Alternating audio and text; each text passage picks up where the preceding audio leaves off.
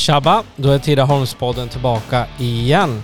Veckans sponsor är Tidaholms bokhandel. Fram hos Linn hittar ni de perfekta julklapparna. Oavsett om det är till ett barn eller till en vuxen. Gå gärna in på Tidaholms bokhandel. Varmt välkomna!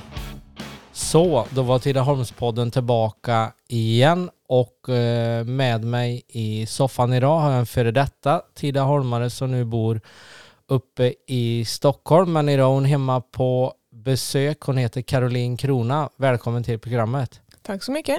Hur är läget med dig? Jo då, det är bra.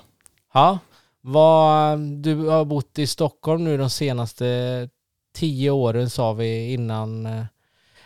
Eh, och sen eh, är du tillbaka nu igen. Är du hemma ofta och hälsar på eller blir det någon gång per år eller? Det blir ett par gånger per år. Um, I alla fall till jul och, och någon gång mer. Så brukar mina föräldrar och syster komma upp ibland till Stockholm också. Ja, vad, vad tycker du då när du är hemma och sånt och går omkring och kollar i Tidaholm lite? Ser det ut som det gjorde när du bodde i stan?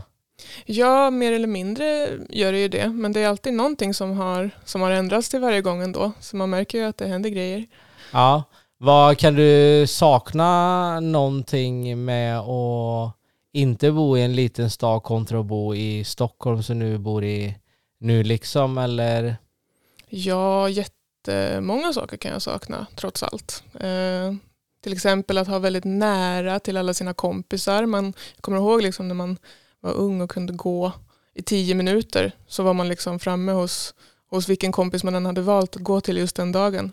Nu om jag ska hälsa på en kompis på andra sidan stan då tar det liksom en timme och tio minuter med tunnelbana. Så det är en grej som, är, som jag saknar ganska mycket. Yes. Vad vi gör som vi brukar göra, vi hoppar tillbaka till eh, uppväxten och eh, skoltiden. Du kan berätta vart du är född och uppvuxen? Eh, ja, jag är född här i Tidaholm ehm, och bodde på Enebacken ehm, egentligen ända tills jag började på gymnasiet. Ehm, så där bodde jag. Yes.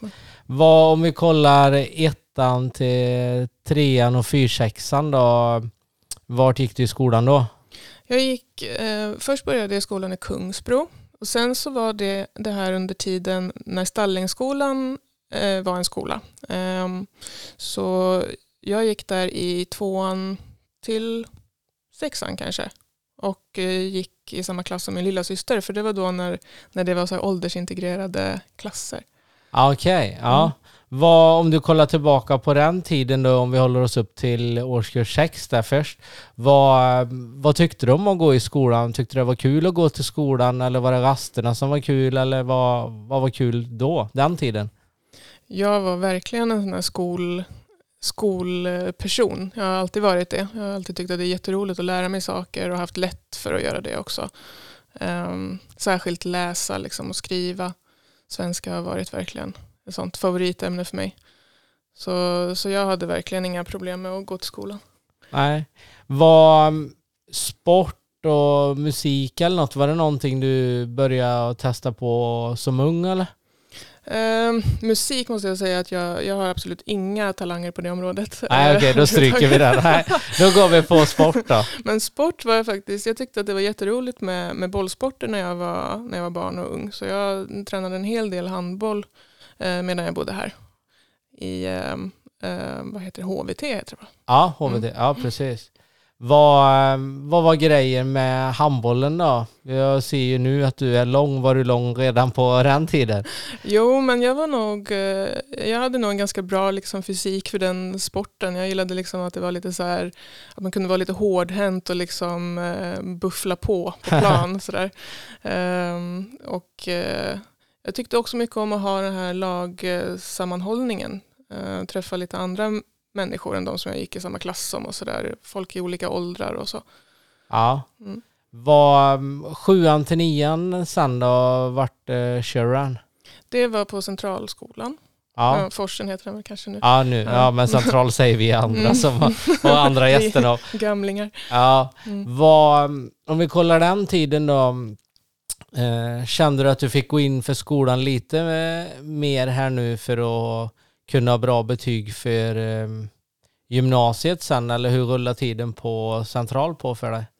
Um, det var ju lite mer då liksom att jag ville vara mycket med kompisar och, och göra lite andra saker med livet också. Men samtidigt så hade jag nog väldigt höga ambitioner. Jag kände ändå sådär att jag, jag, vill ha, jag vill ha jättebra betyg. Jag vill kunna göra vad jag vill med mitt liv. Liksom, kunna välja vilken utbildning jag vill. Um, det, jag hade väl, det var väl som en liten konflikt i det där att jag var också lite lat där under tonårstiden tror jag. Jag, jag hade högre ambitioner än vad jag var riktigt beredd att, eh, att liksom jobba för att sen uppfylla. Så att säga. Men, eh, men ändå så var jag väl en ganska så ambitiös elev, det tror jag att alla uppfattade mig som ändå. Ja, vad, när man går in till, gick in till syokonsulenten eh, i nian där då så får välja de tre valen. Kommer du ihåg vad du valde? Etta, tvåa, trea? Oj, jag vet inte. Jag hade faktiskt en väldigt klar uppfattning då om vad jag ville gå för program. Jag ville gå um, ett program som heter IB eller International Baccalaureate som fanns i, i Jönköping. Um, det var det närmsta stället på den tiden i alla fall. Um, så jag visste redan att, att det var det jag ville. Och sen så tror jag att jag eh, tänkte mig samhällsprogrammet eh, eh som andra hand eller kanske media som tredje. Så minns jag det som. Ja. Vad um, minns du vad du hade för betyg när du gick ur nian? Inte för det ehm. gör intressant men, men, men var du ehm. nöjd med de betygen eh, du fick eller tyckte du att du kunde fått bättre och lärarna var lite halvtaskiga eller tyckte du att jag hade fått kämpa lite till? Om du kollar tillbaka på det i efterhand alltså. Om jag kollar tillbaka på det i efterhand, jag var nog ganska så nöjd då. Det, var, det, blev nog ändå så att jag kunde komma in på nästan vad, vad som helst. Fast på det andra programmet, eller det programmet som jag valde, där var det inträdesprov så det, betygen spelade inte så stor roll egentligen. Men i efterhand kan jag verkligen eh, känna att eh, lärarna var lite för snälla mot mig. De hade kunnat eh, Aha, de hade kunnat ställa lite högre krav. Uh, att de kanske kände lite så här, men Caroline hon är en sån MVG-tjej. Ja. så känns det faktiskt lite i efterhand att jag var lite oförtjänt av de där, alla de där MVG-erna. Ja, vad, um, du kommer in på programmet eh, IB i Jönköping där. Pendlar du då till Jönköping eller hur funkar det då på den tiden? Ehm, jag valde faktiskt att flytta dit. Man hade kunnat eh, pendla. Det gick ju bussar. Eh, en buss klockan fem över halv sju varje morgon kommer jag ihåg och sen gick det en buss hem klockan tio över fem varje eftermiddag. Eh, så jag hade kunnat pendla men det lät ju lite jobbigt att ha så långa dagar. Och jag kände nog ändå att jag ville, jag ville liksom testa det där med Jönköping fullt ut så jag sa till mina föräldrar att jag, jag vill eh, flytta dit och bo där i alla fall på veckorna och komma hem på helgerna. Så då blev det så. Yes. Hur, eh, de tre åren i Jönköping då, vad tyckte du om programmet du gick och var det, hur var det att plugga där nere? Jag menar i Tidaholm kände du alla kompisar, bodde i stan, kunde ta cykel eller gå fram till, eh, eller bort till centralskolan liksom och nära till allt. Komma ner till Jönköping nu var det någon mer Tidaholmare som gick samtidigt som dig i samma program? Ehm, um, det var några, vi var några stycken, jag tror vi var fyra stycken i min klass som eh, började där i alla fall tillsammans. Um, men eh, om jag ska vara helt ärlig så var det en jättetuff period i mitt liv. Det var jättejobbigt att uh, dels att flytta hemifrån. Jag, tro, jag trodde ju att jag var fullt kapabel att göra det. Jag tyckte att det var självklart. Liksom. Eh, men jag underskattade jättemycket hur, hur svårt det skulle vara att vara ensam liksom varje kväll när man är 16 år gammal, komma hem liksom, till en tom mörk lägenhet, någon sån vinds, vindsrum som vi hade hittat. Eh, som var liksom, jag delade kylskåp med någon gammal tant eh, och, som bodde i en likadan liten så, eh, enrummare på liksom andra sidan av ett oisolerat vindsrum. Och jag hade bara ett handfat och eh, ingen kök och sådana saker. Det var liksom ganska bohemiskt och det var ganska ensamt. Eh, och det här programmet som jag gick var jättesvårt tyckte jag. Ja. Eh, det var lite det Även fast du tyckte att du hade bra betyg, ja. men nu snappades det upp flera, flera gånger. Ja, jättemycket svårare blev det. Um, det, gick ändå, det gick ändå bra uh, för att jag pluggade hela tiden. Men, eh, men det var ju ganska tufft. Jag kommer ihåg att jag var på ett bröllop i Jönköping för något år sedan. Eh, och så hade vi någon så förfest på stranden där. Och det var första gången som jag insåg att det finns en strand i Jönköping. Jag hade liksom Aha, aldrig, du hann aldrig, aldrig ser han de tre åren du var där? Jag hade ingen fritid, jag bara pluggade och försökte liksom överleva.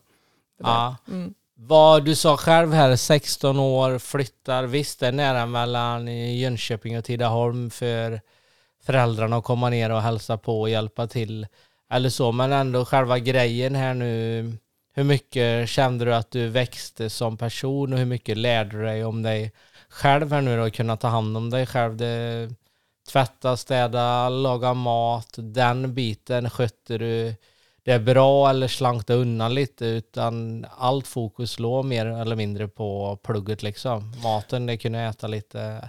Visst, du åt ju mm. skolan antar jag mm. liksom.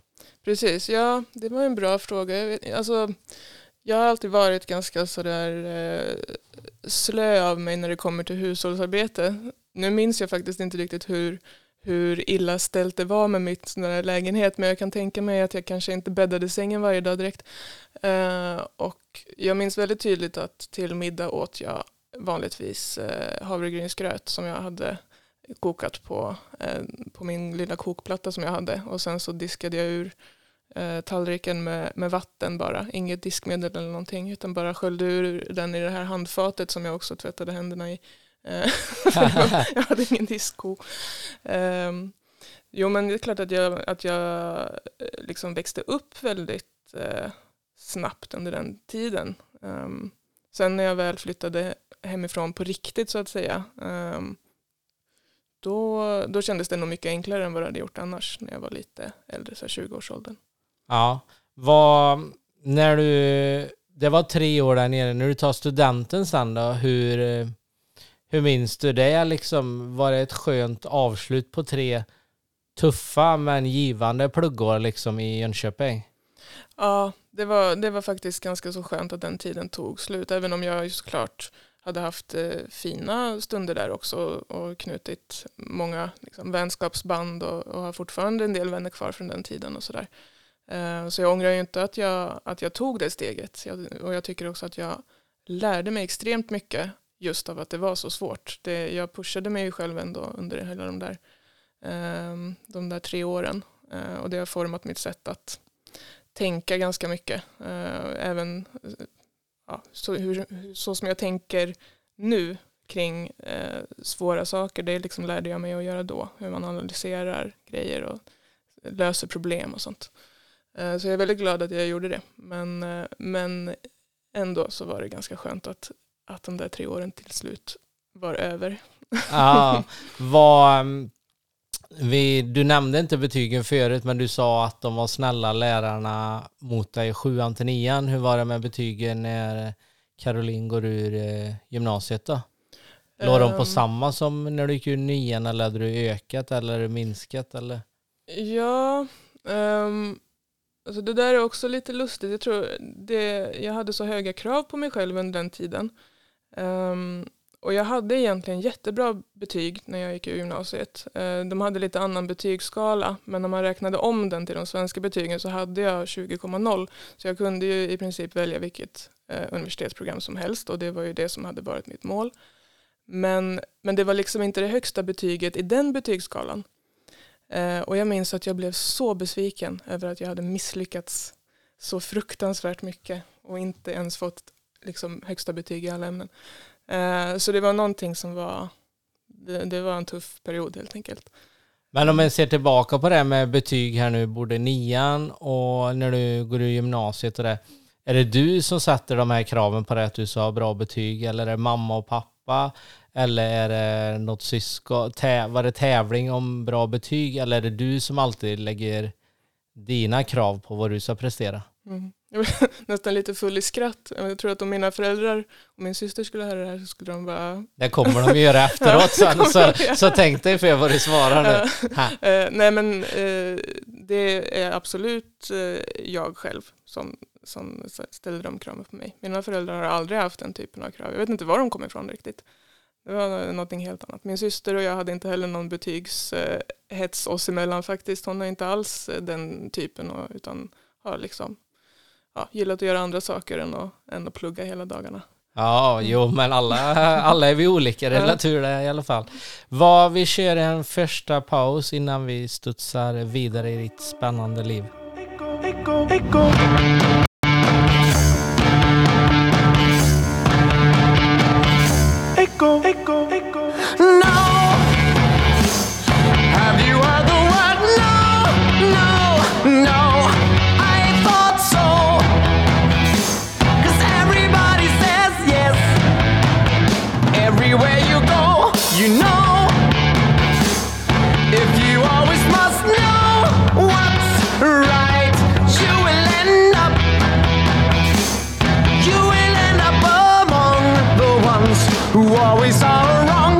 Remember a star that shone so bright, but now his glare fills me with fright.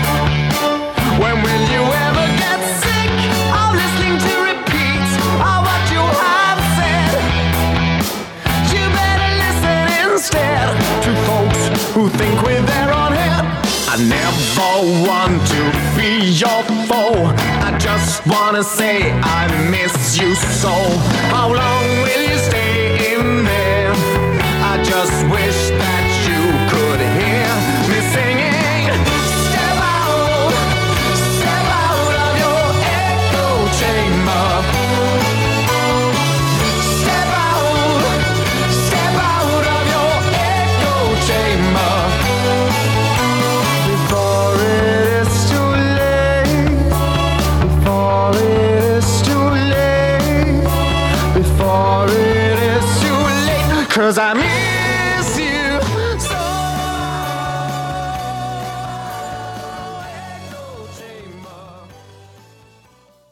Efter eh, studenten i Jönköping där då, vart tar du vägen då?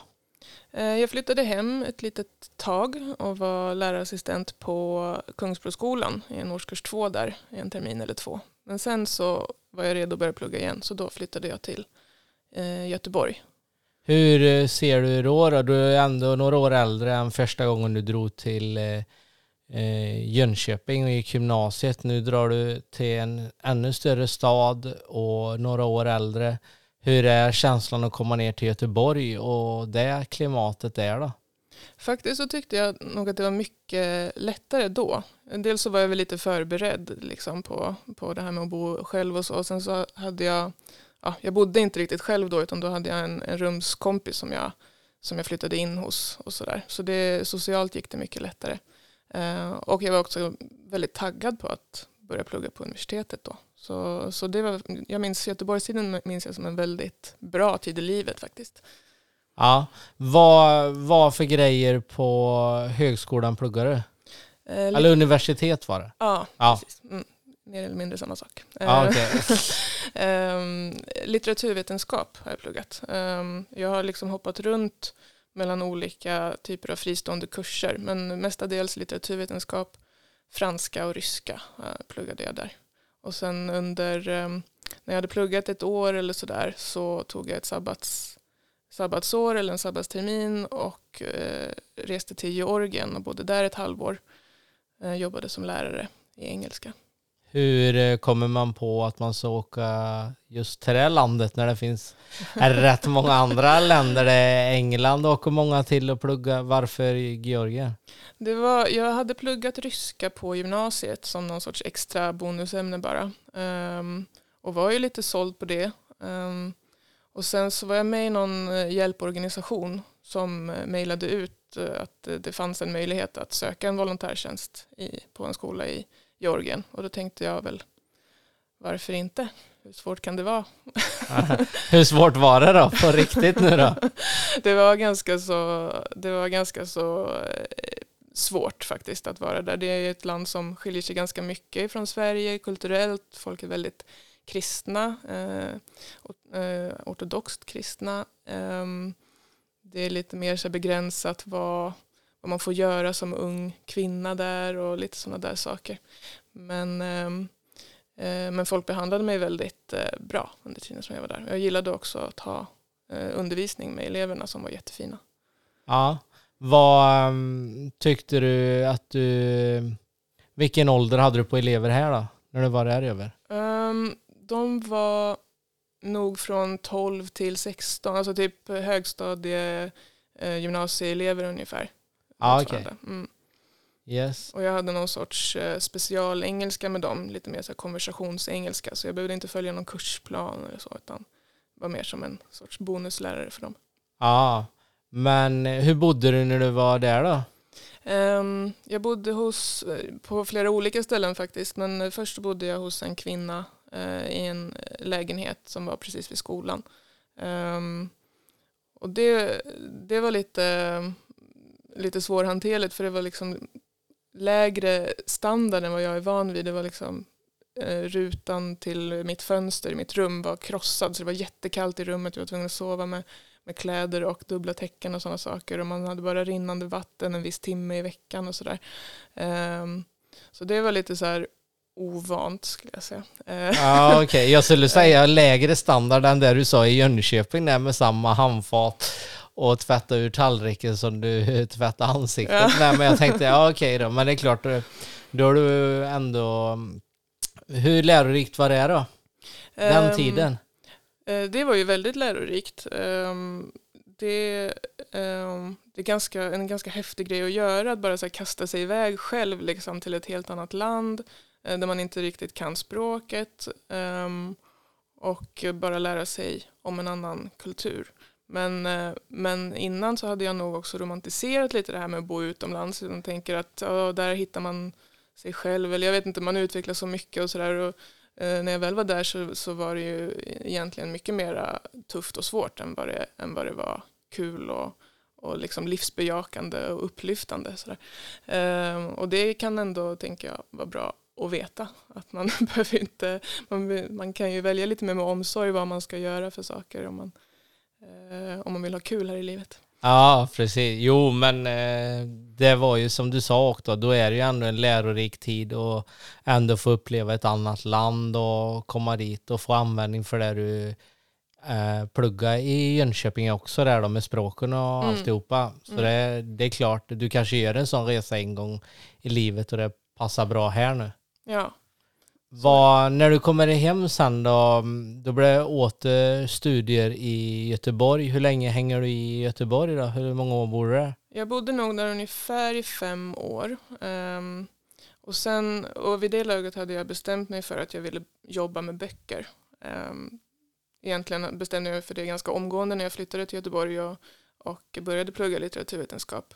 Men, uh, men vid det laget hade jag uh, en tydlig idé om att jag skulle flytta till Stockholm och plugga en kurs som heter förlagskunskap som är i princip den enda möjligheten man har att få jobba på bokförlag om man inte har kontakter i förlagsbranschen från början för att på den utbildningen får man praktik på ett förlag. Det är liksom ens enda chans i livet att visa vad man går för på ett bokförlag. Så den kursen vill jag komma in på.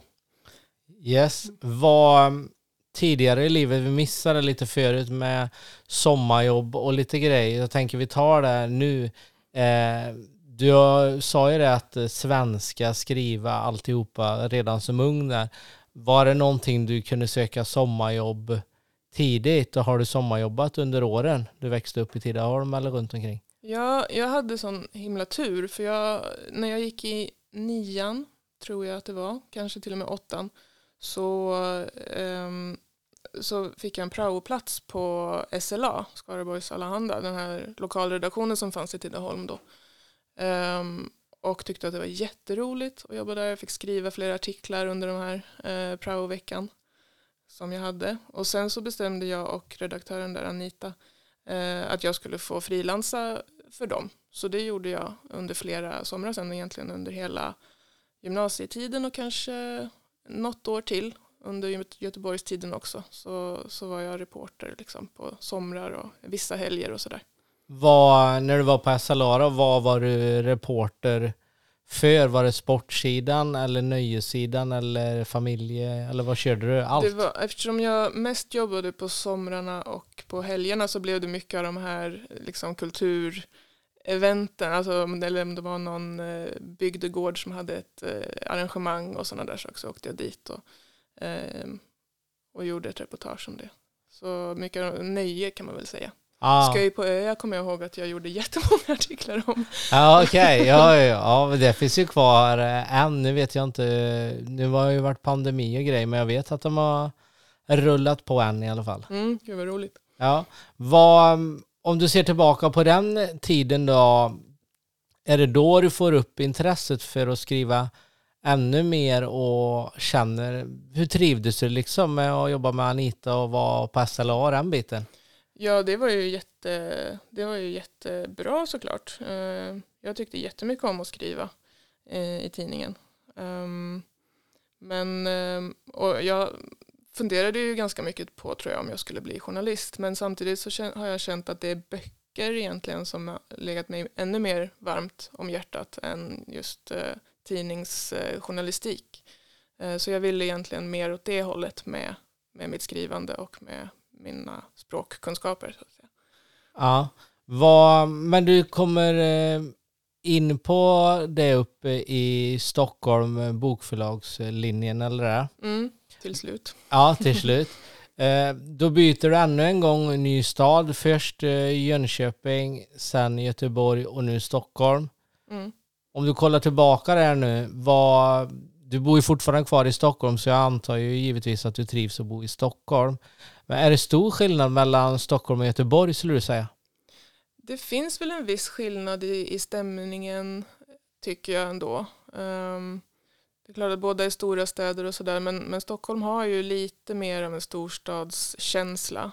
Um, sen så tror jag att jag är ganska så lokal uh, av mig. Så jag, jag bor i um, en förort som heter Beckomberga, en del av Bromma i Stockholm. Uh, och ibland kan det kännas som att jag knappt lämnar Beckomberga liksom, på, på en hel vecka. Fa, fast du ändå är nära liksom. Ja, man ja. tänker att man ska, ja jag bor i Stockholm, jag ska ta del av kulturlivet, jag ska gå på operan varje vecka, men det, det händer ju liksom inte.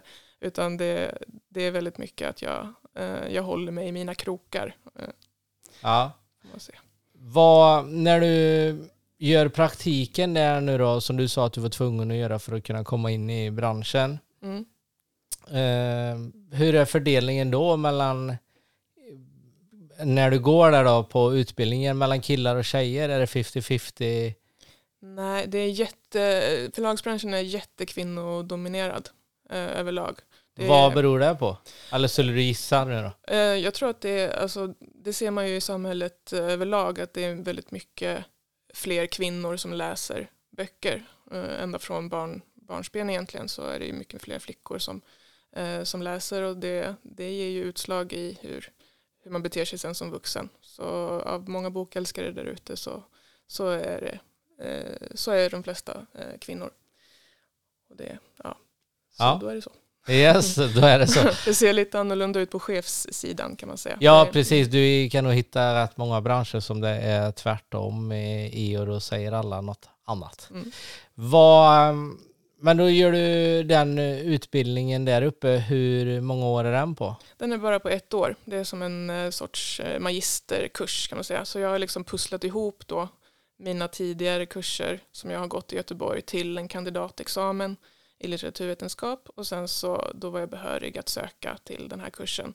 Och så skrev man ett, ett personligt brev där man skulle bevisa att man hade yrkeserfarenhet av någonting, eh, bok eller skrivrelaterat. Eh, och då hade jag ju bland annat då SLA och även lite andra lokaltidningar som jag hade fått chans att skriva för på grund av att jag hade erfarenhet av SLA tror jag. Ja, vad, mm, efter du är klar med utbildningen här nu då, hur lätt är det? Du sa det att det var antingen ett måste eller känna någon inom branschen eh, för att kunna få jobbet. Hur lätt är det att få jobb sen då efter du är klar med utbildningen? Ja, det är inte heller så himla lätt. Um, jag eh, gjorde praktik på ett förlag som heter Natur och kultur eh, som ger ut del, eh, bland annat läromedel. Jag ville jobba med läromedel ehm, i svenska var min tanke. Um, och eh, jag kom in jättebra där och fick jättebra kontakt med de som jobbar där och sådär. Um, men uh, under väldigt många år efter min utbildning så jobbade jag som frilansande redaktör. Um, för att, uh, att, få en fast tjänst som redaktör är väldigt svårt. Och jag, hade, jag tänkte egentligen att det kanske är kul att ha en, e-, ett eget företag och kunna blanda lite olika eh, typer av böcker som man jobbar med och sådär. Ehm, men eh, frilanslivet inom kulturbranschen är rätt så, är rätt så tuff. Liksom. Um, men så var det. Ja. I flera, jag jobbade nog som frilansande redaktör i kanske åtta år efter utbildningen. Ja, men eh, hur tufft är det då? Um, Eller gör du ett namn liksom? Ja, men jag tycker nog att jag, det gick väldigt bra på många sätt för jag hade hela tiden uppdrag. Det kan ju vara det som är det tuffaste, att man liksom ja. går runt och så här, eh, ringer till folk och ber att få någonting att göra och det liksom, man har stora luckor och har ingen inkomst alls och sådär.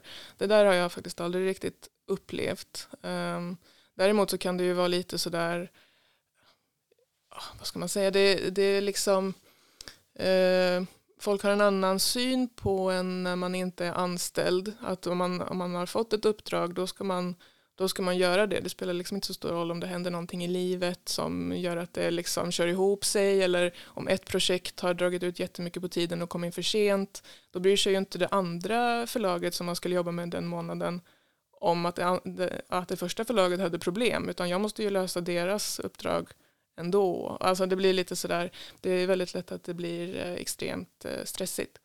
Ja. Så tyckte jag i alla fall att det var. Men eh varit duktig på att prioritera och, och lägga tid och jag antar ju också att det är liksom det du pratar om nu är ändå inget måndag till fredag 7-4 jobb liksom eller 8-5 jobb utan det är mycket kvällar, helger, allt sånt när du är frilans liksom. Mm. Kände du att du ändå hade någon tid över till att göra något annat? Um, Eller var det tuffa år för att visa vad du går för? Det var tuffa år för att visa vad jag går för. Det, det var ju bra uttryckt. Ehm, men eh, jag har samtidigt kämpat ganska mycket för att hitta balans i det där. För att, att vara redaktör, eh, att det går ut på att man, man får ett manus från en författare och sen så läser man och försöker liksom bearbeta texten så att den blir ännu tydligare, ännu bättre, ge författaren respons men också eh, rätta till språk och struktur och sånt där på egen hand. Det är väldigt mentalt eh, krävande. Det är, liksom, det är ungefär som att jobba med att skriva eller eh, ja, men jobbigt på ungefär samma sätt som det är att, eh, att plugga jättehårt. Man måste liksom driva på sig själv hårt och sådär. Um, och det är ju vanligt att man, eh, att man blir utbränd i den branschen för att det, det är påfrestande helt enkelt. Så jag, jag har alltid försökt att anstränga mig för att eh, hitta någon form av balans och inte bara köra på dygnet runt. För det går nästan inte. Um, ja. Om jag är bra på det vet jag inte. jo, det lär det säkert vara. Vad om, eh, om du, som du säger här nu då, om du ska läsa igenom någon annans bok och grejer som du garanterat har gjort.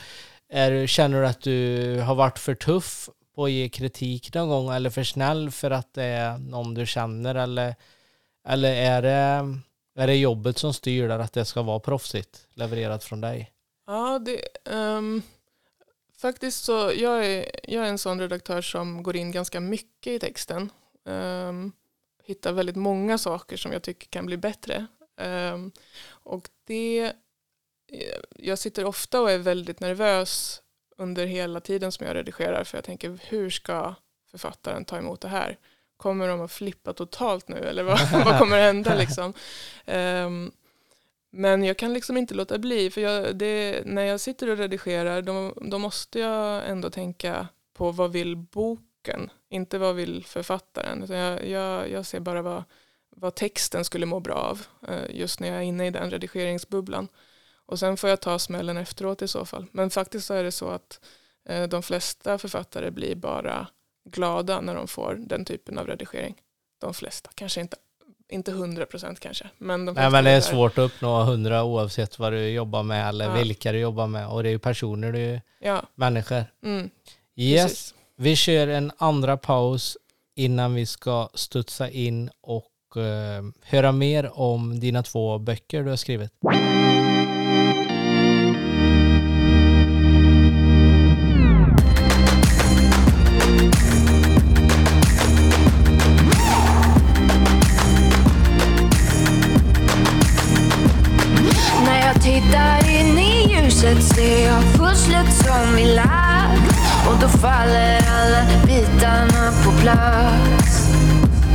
Och när jag hör dem säga orden som de många gånger sagt så många gånger så man nästan tror på allt. Nej, jag tittar inte ner, men jag tittar upp mot himlen.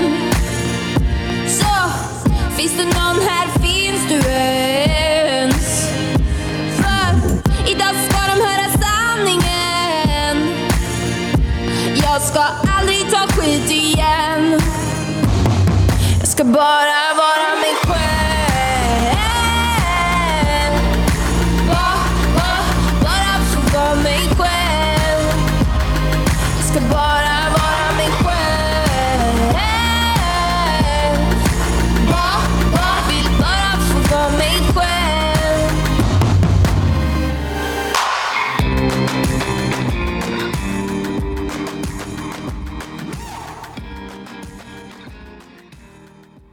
Så, då var vi tillbaks igen. Klockan rinner iväg, men vi måste ju absolut snacka om anledningen till att jag bjöd hit dig och det var ju, det passar ju bra här nu. Du ska vara på bibliotekshuset i morgon lördag. Vi spelar ju in i förväg här.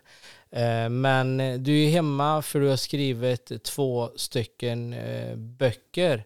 Om du berättar om eh, anledningen till varför blev det barnböcker för hur kommer du på den idén? Jag tror att det, um, att det beror på att jag älskade att läsa så mycket när jag var liten. Och då känns det ganska så, det ligger nära till hands att vilja skapa den typen av upplevelser för andra barn då. Um, så jag, jag har uh, länge egentligen velat skriva uh, för barn. Redan, uh, redan under tiden som jag bodde i Göteborg så gick jag en skrivarkurs Eh, på ett helt år på heltid. Ehm, och då eh, satsade jag också på barnböcker trots att den kursen inte riktigt hade den inriktningen. Ehm, det gick jättedåligt då eh, med, med det manuset.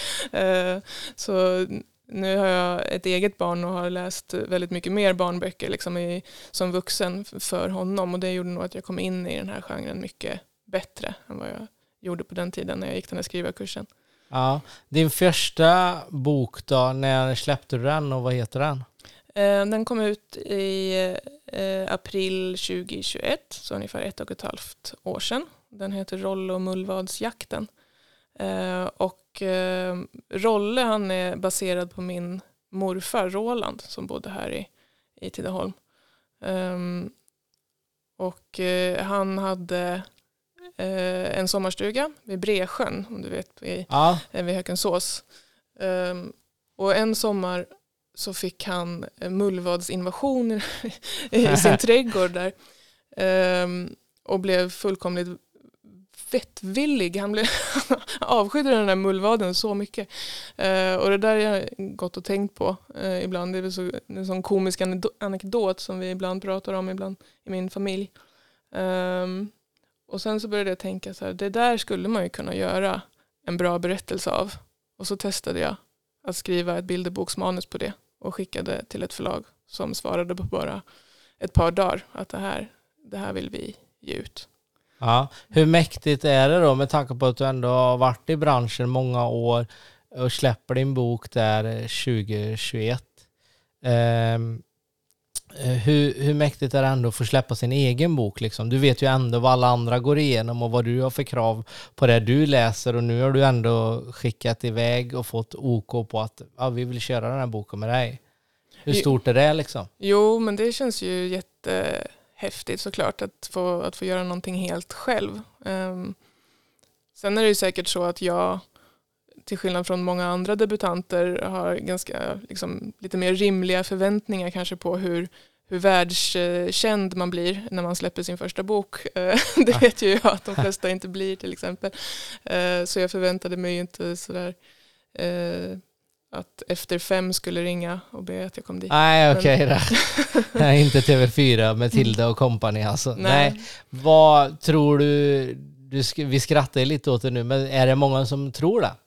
Ja, det att det är inte för enkelt. Det är klart du ska få jobba för för att bli någon, men jag tror många att det går för lätt.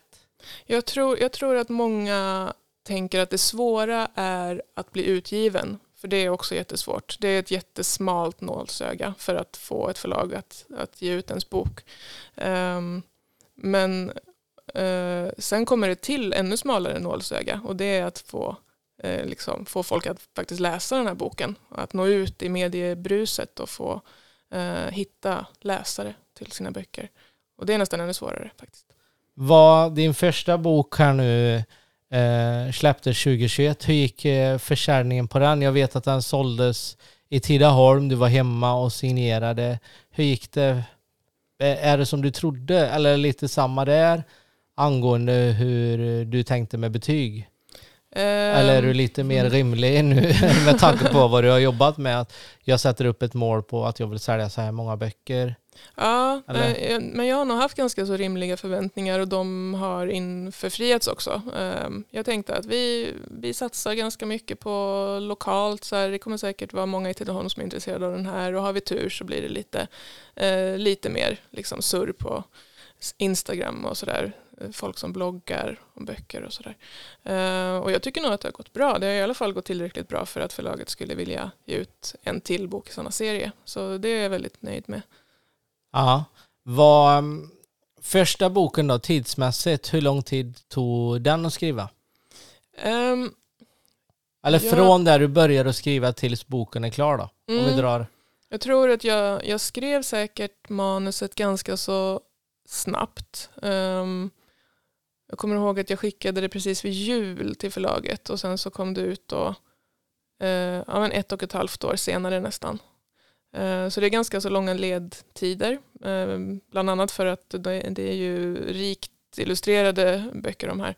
Ehm, och illustratören jobbar inte eh, på heltid som illustratör utan är förskollärare i grunden och målar på, på kvällar och helger. och det gör ju såklart att det tar mycket längre tid. Ehm, men också sen så är det ju tryckeriet ska hinna trycka och det är långa leveranstider och sådana där saker. Så allting med, som har med böcker att göra tar jättemycket tid. Även om man kan tänka att en bilderbok, vad innehåller den? Hur mycket text innehåller den? Eh, det är ju inte mer än bara kanske ett par sidor text sammanlagt. Så att säga. Och ändå så tar det så mycket tid. Ja.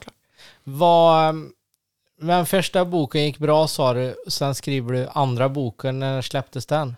Det var alldeles nyligen i mitten av oktober här, 2021. 2022 är vi inne 2022, i. ja precis. Vad, men det då, du sa själv att de ändå ville göra andra. Nu då när andra boken släpps, vi närmar oss jul alltihopa.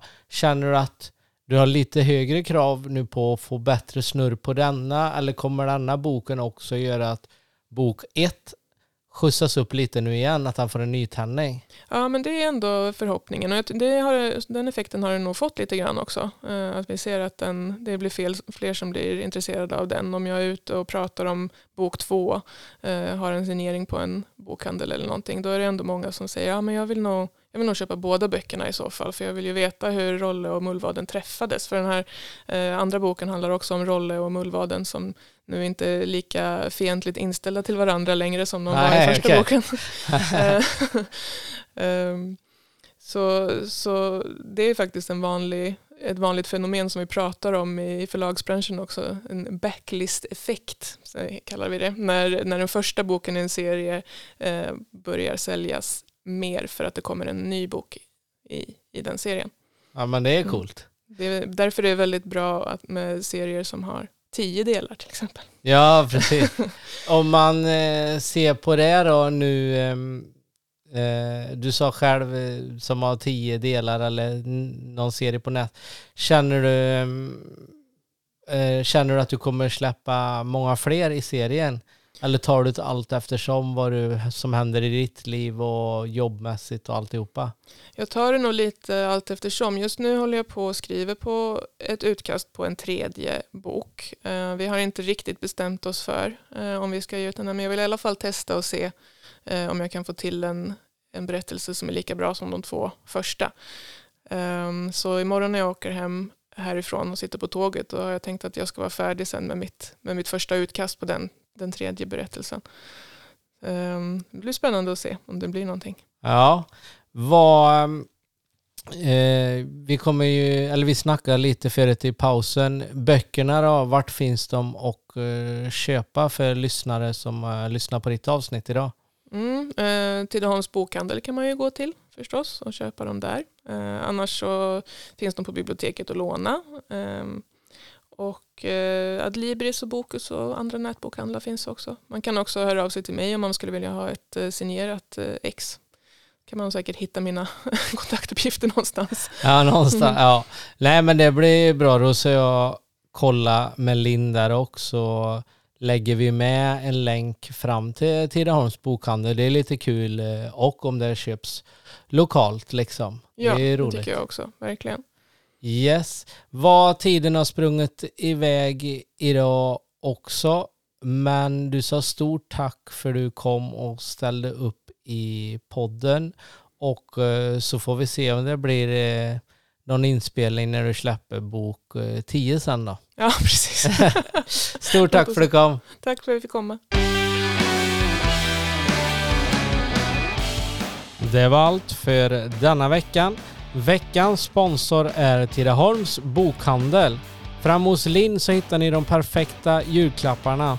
Oavsett om det är böcker, spel, pennor, papper med mera. Gå gärna in hos Linn på bokhandel så kan ni köpa de perfekta julklapparna.